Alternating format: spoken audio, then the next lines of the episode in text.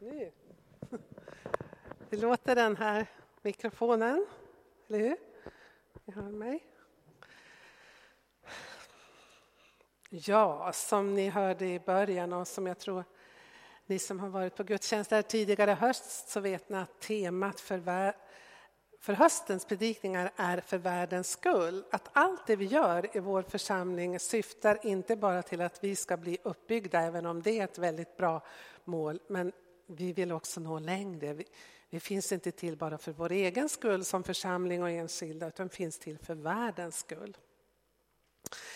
Andlig vägledning, jag ska se om jag får upp någon bild här. Kommer upp? Ja, du kan ta nästa också.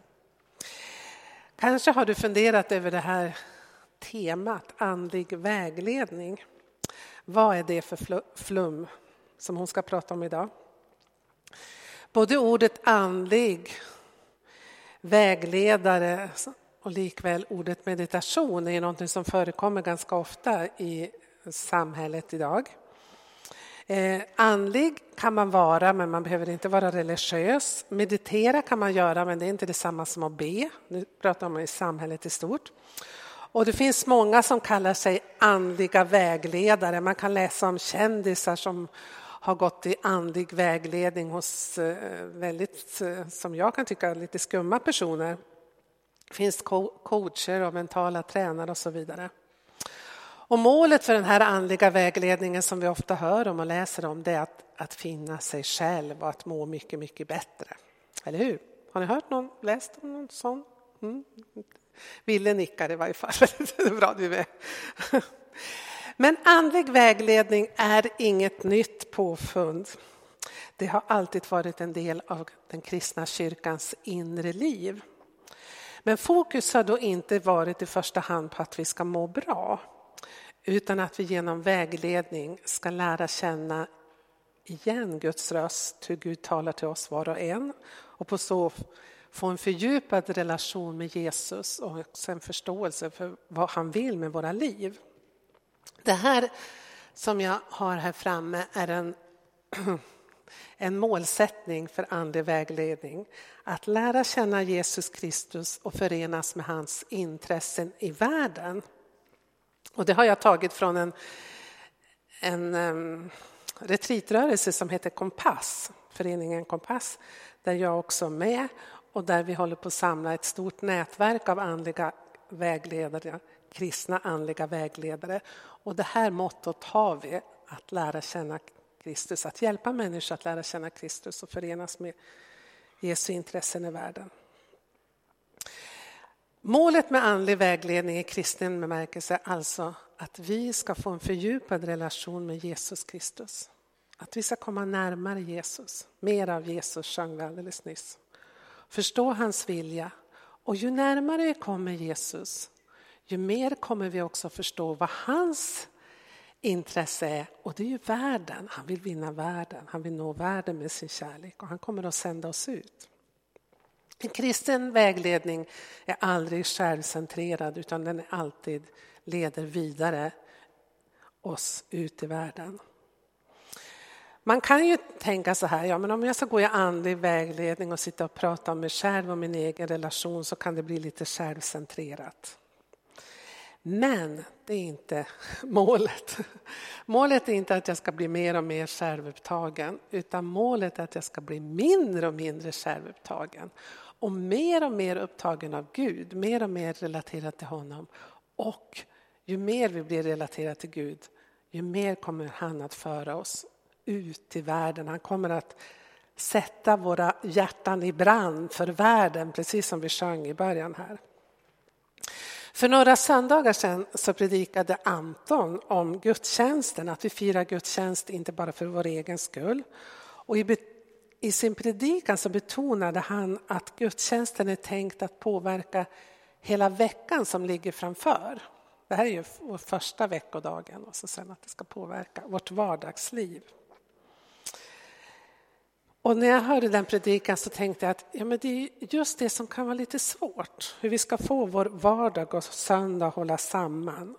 Hur vi ska bevaras i vår kristna tro i den här världen som det är så mycket som vill få oss att få fokus på något annat än, än vår tro.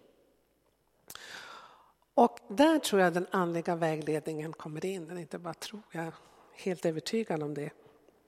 Vi behöver forum, mindre sammanhang där vi får sätta tro, ord på vår tro, men också på våra tvivel.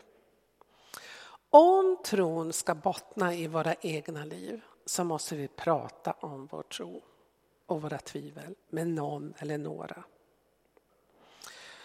Jag skulle vilja säga så här. Om du vill att din tro, den som du har nu, bara ska vara precis på den nivå du har. Om du inte vill fördjupa relationen med Jesus, då ska jag ge dig ett råd. Prata aldrig med någon om vad du tror. Behåll det för dig själv. Sök aldrig någon som helst någon hjälp när du handlar i tvivel och, och sådär. Jag lovar dig, din tro kommer att stagnera. Som ett brev på posten och ännu mer troligt, du kanske till och med kommer att tappa tron. Men om du vill komma närmare Jesus, få en mer förtrolig relation med honom. Om du vill att din tro ska växa och fördjupas, prata om Jesus. Med dina närmaste, i din familj, med dina vänner, i din smågrupp, med trossyskon. Då kommer du också få ord som kan hjälpa dig att dela din tro med de som inte tror. Och din tro kommer att växa. Och det är också så att jag tror att vi alla ibland behöver söka upp någon som är kanske lite mer erfaren på trons vandring och dela våra liv, våra frågor, våra trosfunderingar med den personen. Kanske undrar du, vad är det för skillnad på själavård och andlig vägledning?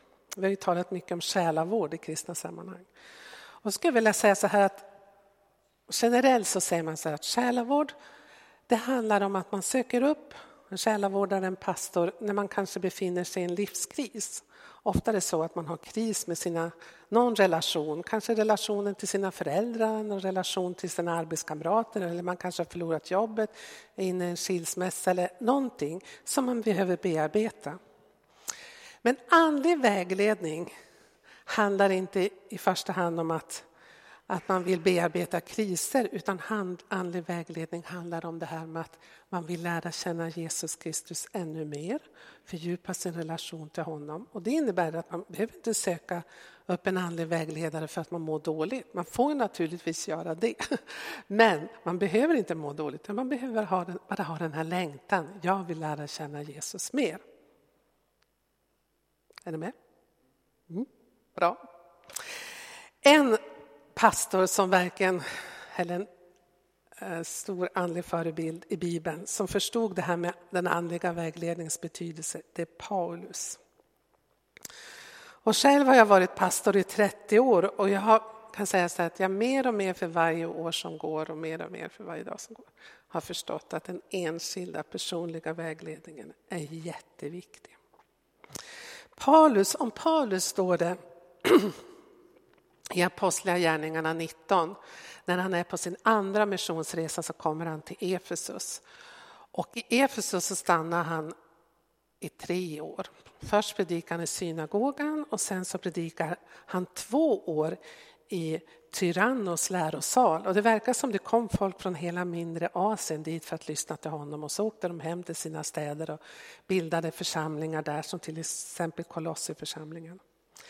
Men han inte bara predikade för stora grupper utan han vägledde också dem var och en, dag och natt. Och det får vi veta när vi läser i nästa kapitel, Apostlagärningarna 20 och vers 31. Där berättas det om när Paulus är på väg till Jerusalem, nu har det gått en tid, och han möter de äldste på vägen till Jerusalem, de äldste från Efesus, de möter upp honom. Och så säger han så här.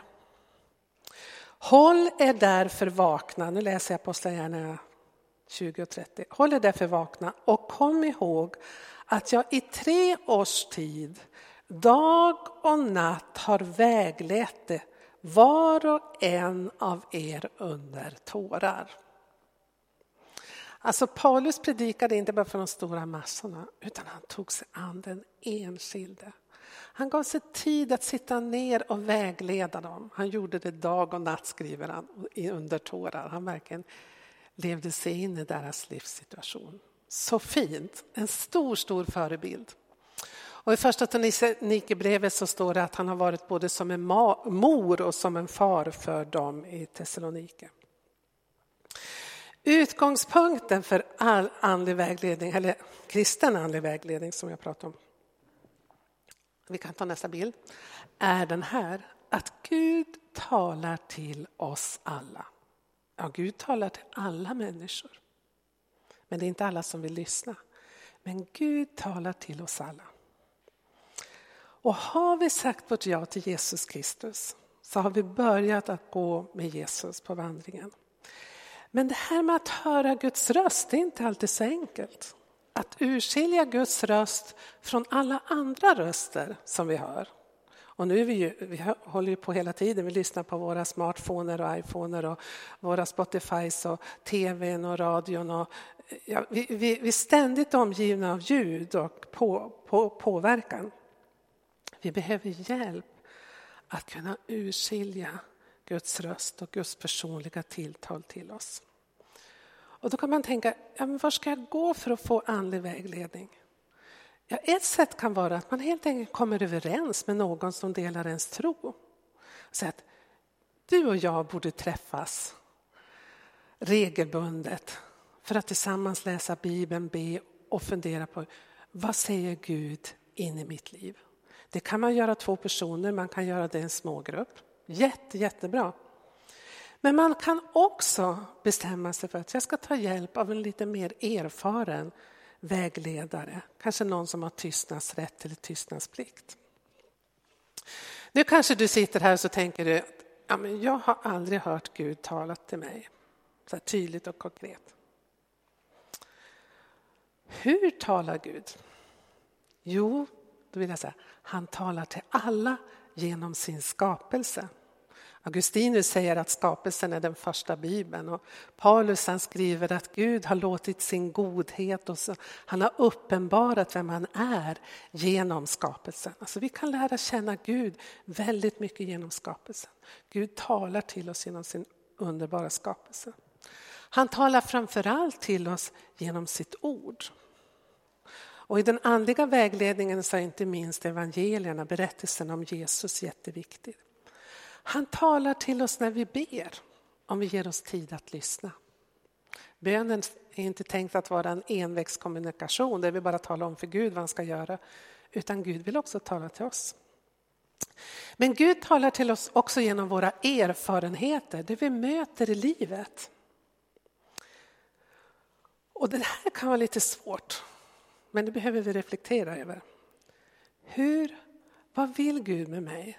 Kan jag se Guds hand röra sig? Kan jag känna igen Guds röst? Kan jag känna igen Guds tilltal i det som händer mig, i mina livserfarenheter? Och, det, och sen talar också Gud till oss i vårt eget inre. Har vi tagit emot den helige Ande så talar ju Gud till oss i vårt eget inre. Vi behöver träna oss och lyssna och urskilja Guds röst och ge ett gensvar. Det är en viktig utgångspunkt för den kristna andliga vägledningen att Gud talar till alla. Gud talar inte bara till vissa profeter eller stora andliga vägledare utan Gud talar till oss alla. För det andra, det är den helige ande som är vägledare med stort V. I vår tradition så är vi lite vana vid att tänka att oj, om vi behöver lite vägledning, kanske inte vi vet vad vi ska göra i framtiden och så där, så tänker vi oj, jag, jag ska söka upp den där predikanten som jag vet har en stor profetisk gåva och så ska jag be att han ber för mig. Och då kanske Gud ger mig ett tilltal så jag kan få veta vad Gud vill i mitt liv. När jag var ny som pastor, då jobbade jag i Umeå och jag såg att det fanns en väldigt tydlig dragning hos många människor att söka sig just till, till vägledare som hade profetisk som man upplevde hade en profetisk gåva. För man ville höra det här, så säger Herren. Man ville höra tilltalet utifrån. I den andliga vägledningstraditionen så förkastar man inte profetiskt tilltal, för det är bibliskt. Men det viktigaste är att var och en som är kristen själv ska lära sig känna igen Guds röst och Guds tilltal till en. Genom skapelsen, genom Bibeln, genom Jesu liv, genom erfarenheterna, genom hur Gud talar till vårt eget inre. Och därför så betonar man i det sammanhang där jag finns då med andlig vägledning att det är väldigt viktigt att den som ger andlig vägledning inte står i vägen för den helige ande. Inte tar över. Alltså om någon kommer till samtal med mig, till mig så tänker jag så här att jag ska inte tala om för den personen vad den ska göra. Däremot kan jag försöka ställa de rätta frågorna och uppmuntra den. Vad upplever du att Gud säger till dig? Vad har Gud talat till dig genom när du har bett och läst Bibeln? Och hur talar Gud till dig genom dina erfarenheter? Man kan bekräfta och man kan ibland vara lite ifrågasättande men tror, tror du verkligen att det där är Gud säger? Ja, det, det, kan man också tillåta sig lite grann. För ibland kan man behöva få möta lite motstånd. Ja. Och då kanske du funderar, men hur ska jag bli bättre på att, hur ska jag kunna bli bättre på att höra Guds röst? Och då tror jag det finns ingen annan väg än att vi tar tid i bön, bibelläsning och reflektion eller eftertanke. Alltså vi behöver stillhet i våra liv. Vi rusar ofta bara på från det ena till det andra, springer, springer, springer. Och vi ger oss allt för lite tid att stanna upp inför Guds ord och lyssna. Vad vill Gud tala till mig genom ordet? Eller i bönen? Eller bara reflektera över det som har hänt. Man kan behöva en stund under dagen, kvällen eller kanske en gång i veckan och se tillbaka på veckan som har gått och fundera. Var har jag känt Guds liv eller Guds hand i mitt liv? Var har jag känt att Gud har varit och färde? Eller var, vad är det för någonting som jag kan se att där har jag gjort någonting som jag kanske behöver reda ut, som jag behöver be om förlåtelse för och så vidare. Alltså man reflekterar och tänker och, och över sitt liv. För mig har det varit jätteviktigt att åka på retriter regelbundet, det har jag pratat om. Och en retreat för mig är att man åker iväg till en, en ordnad retreat och att man är i tystnad. Alltså att man pratar inte med andra retreatdeltagare. Däremot så kan det vara en retreat, var precis, jag har precis lett en retreat här nu jag åkte i söndags och kom tillbaka fredags och varit på en retreatgård. Och retreatdeltagarna som var där, de var under tystnad från söndag kväll ända till fredag morgon. Förutom att man ber och läser Bibeln och har andakter tillsammans. Och så får de träffa någon av oss retreatledare. Så jag har träffat fyra personer eh, under de här dagarna. Och de har fått bibelord som de har bett och mediterat över. Och så när de kommer till, till mig eller någon annan av retreatledarna så, så ställer man frågan vad har du upplevt att Gud har talat med dig om under det här dygnet? Och det är så spännande. Det är så spännande. Därför att Gud talar verkligen i tystnaden. Och jag slutar aldrig att förundras hur, hur Gud kan tala genom bibelordet när vi stillar oss och funderar vad vill Gud säga mig? Alltså Gud verkligen tar till var och en. Jag tror jag har sagt det någon gång förut att ofta första kvällen så ger man samma bibelord till kanske fyra eller fem deltagare som man har i sin grupp. Och så nästa dag så möter man dem, 45 minuter, en timme. Och så när man ställer frågan vad har du upplevt att Gud har sagt så är det fem olika berättelser man får höra. Helt olika tolkningar eller vad man har upplevt när man har läst. Därför att Gud talar ju naturligtvis in i våra liv helt personligt. Ja. Jag var också själv på en retreat här i slutet på augusti. Det var en retreat för retreatledare. Och den var åtta dagar lång. Det var en ganska lång tid att vara tyst för en person som jag. Inget hon skakade huvudet. Det var helt underbart och då var det i Norge och de hade till och med god mat. Ja, det var helt fantastiskt. Men varje dag fick jag träffa en, en vägledare då och eh, dela mina tankar och då var jag väldigt pratsugen kan jag säga. Men i varje fall, det är så fint att få, få möta någon och dela det man har känt. Det här har jag upplevt att Gud har talat till mig. Eller det här har jag kommit att tänka på. Så får man liksom den här responsen. Kanske bekräftelsen, ja men det här är nog från Herren. Eller kanske något litet, ja men hur tänker du nu? Ja, man får tänka vidare. Jag tror att det är otroligt viktigt om man vill växa och mogna som människa men också som kristen att man reflekterar över sina handlingar, över sina tankar, över sina känslor, över sina relationer. Att man stannar upp ibland.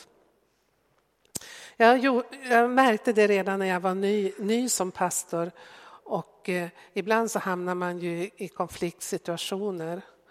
Och då, då började jag tänka så här, ja, men det är viktigt när man är mitt inne i en konflikt att man försöker ta ett steg tillbaka och så funderar man så här, men varför, varför reagerar jag så häftigt i den här situationen? Och varför reagerade den andra? Vad kan, vad kan det bero på att hon, han sa och gjorde och tänkte så?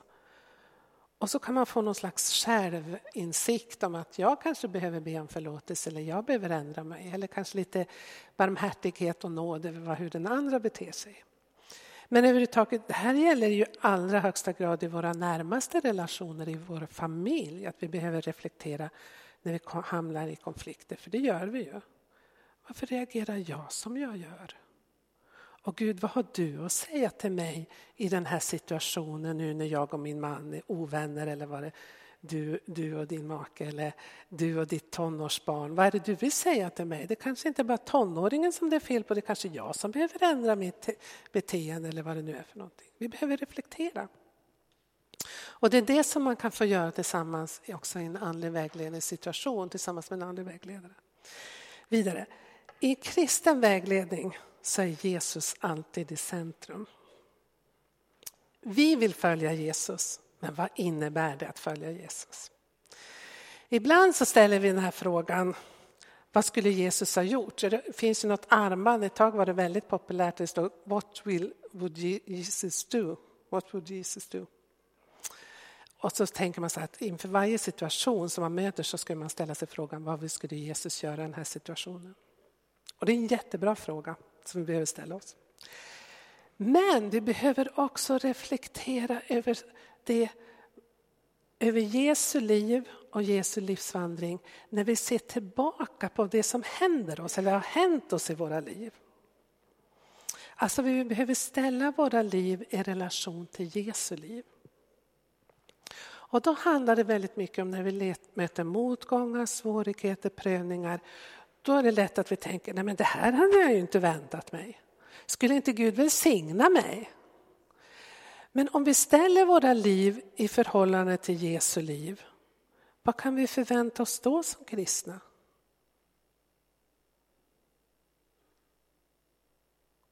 Ska vi bli förvånade då om vi möter motgångar, att människor överger oss, talar illa om oss, att vi möter lidande och svårigheter? Nej, därför att Jesus säger att om någon vill följa mig så måste han förneka sig själv och ta sitt kors på sig. Då måste vi vara beredda på lidande. Och det här återkommer väldigt mycket i andlig vägledning. Fyra viktiga teman ska jag säga som jag har lagt märke till. Jag har ju jobbat med retriter och andlig vägledning. Att, ja, inte 20 år, men kanske 17, 18. Ganska mycket. Och jag har lagt märke till att det är några saker som nästan alltid kommer upp i samtal. Det första handlar om relationen till Guds nåd. Vi behöver alla bli mer rotade i Guds nåd. Så ofta sitter man i samtal och då kan det vara med människor som kanske har vandrat med Gud länge och så säger de att ja, jag är en dålig kristen. Jag ber inte så ofta som jag borde, jag läser inte Bibeln så ofta som jag borde. Eller jag har inte vittnat för mina arbetskamrater om Gud. Eller också har man gjort något som man vet är fel och som man verkligen behöver be om förlåtelse för. Man har brustna relationer och så vidare. Alltså vi har väldigt ofta brottas med en prestationskrav. Man måste vara på ett visst sätt för att vara en god kristen, för att vara accepterad inför Gud. Och så jämför vi oss med andra för vi tycker det är mycket andliga. Väldigt ofta i samtalen i andlig vägledning så får vi återkomma till det. Att ja, men vår relation till Gud bygger ju inte på vad jag presterar utan vad Jesus har gjort för mig. Alltså han har dött för mig och jag får ta emot hans nåd varje dag. Och det är jätteviktigt. Sen det här med självbild och gudsbild är också väldigt relaterat till hur vi upplever Guds kärlek. Och är det någonting vi behöver bli rotade i så är det, att vi är älskade av Gud. Och jag har faktiskt inte tänkt på, eh, på det förut men det finns ett ställe i Efesierbrevet där Paulus han böjer sina knän inför Fadern och så ber han för församlingarna i mindre Asien. Och jag har bett den bönen som Paulus ber. Jag har bett den för mig själv, jag har bett den för nära anhöriga, jag har bett den för församlingen, jag har bett den så många gånger. Men inte förrän för några veckor sedan så tänkte jag så här, den här bönen brukar man lyfta fram som den absolut viktigaste bönen som Paulus ber och vad är det han ber om då? Du kan ju fundera, om du skulle be för församlingen Korskyrkan, vad skulle du be för? Jag tror vi skulle be att, oh, att vi ska växa som församling och att vi ska vinna många människor för Gud, att vi ska bli bättre moraliskt sett och att vi ska liksom förstå Guds vilja. Ja, du kan ju fundera vad du skulle be om. Men vad är det Paulus ber om? Han ber egentligen bara om en enda sak. Han ber att de var och en ska bli mer rotade i Kristi kärlek så att de kan förstå längden, bredden, längden, höjden och djupet av Kristi kärlek till hela Guds fullhet uppfyller dem. Alltså att förstå Guds stora kärlek till oss var och en genom Jesus Kristus, det absolut viktigaste. Och om vi inte blir rotade i den kärleken kan vi inte heller föra den ut till våra medmänniskor. Vi behöver be den för oss själva och för andra. För det tredje, så någonting som ofta kommer upp i andlig vägledningssamtal och det är liksom vår relation till lidande. Och jag har sagt det många gånger, jag berättar inte för min man vad, vi, vad jag pratar med om i själavård eller andlig vägledning men allmänt så brukar jag ha så här när jag kommer hem från retriter så säger jag oj, oj, oj vad människor får gå igenom mycket svårigheter och lidande. Och det känner jag efter den här veckan också. Eh, Frågan är bara hur vi hanterar våra lidanden. Är lidande någonting som för oss ifrån Kristus därför vi tänker att nej, men det här hade vi inte förväntat oss? Eller kan lidandet vara någonting som för oss närmare Kristus därför att vi inser att lidandet är någonting som förenar oss med Kristus och hans livsväg? Och det är det vi behöver samtala om. Så jag kan prata mycket om. Jag tror att vi behöver försonas med lidandet som en del av livet och det kristna livet. Och för det fjärde, som man kan, är jätteviktigt, det är att kunna urskilja Guds röst för att finna vad vill Gud med mitt liv? Till slut här nu då. Jag kan inte prata längre. Andlig vägledning, kristen andlig vägledning handlar om sammanfattning. Genom personlig vägledning vill Jesus hjälpa oss att urskilja hans röst och vilja. Han vill dra oss in i en allt innerligare relation till honom så att vi även förenas med hans kärlek till världen. Jesus drar oss till sig, fyller oss med sin kärlek, det är det han vill göra. Och så vill han sända oss ut med sin kärlek i världen. Och är det någonting världen behöver så är det kärlek. Den självutgivande kärleken som har visat sitt ansikte i Jesus Kristus.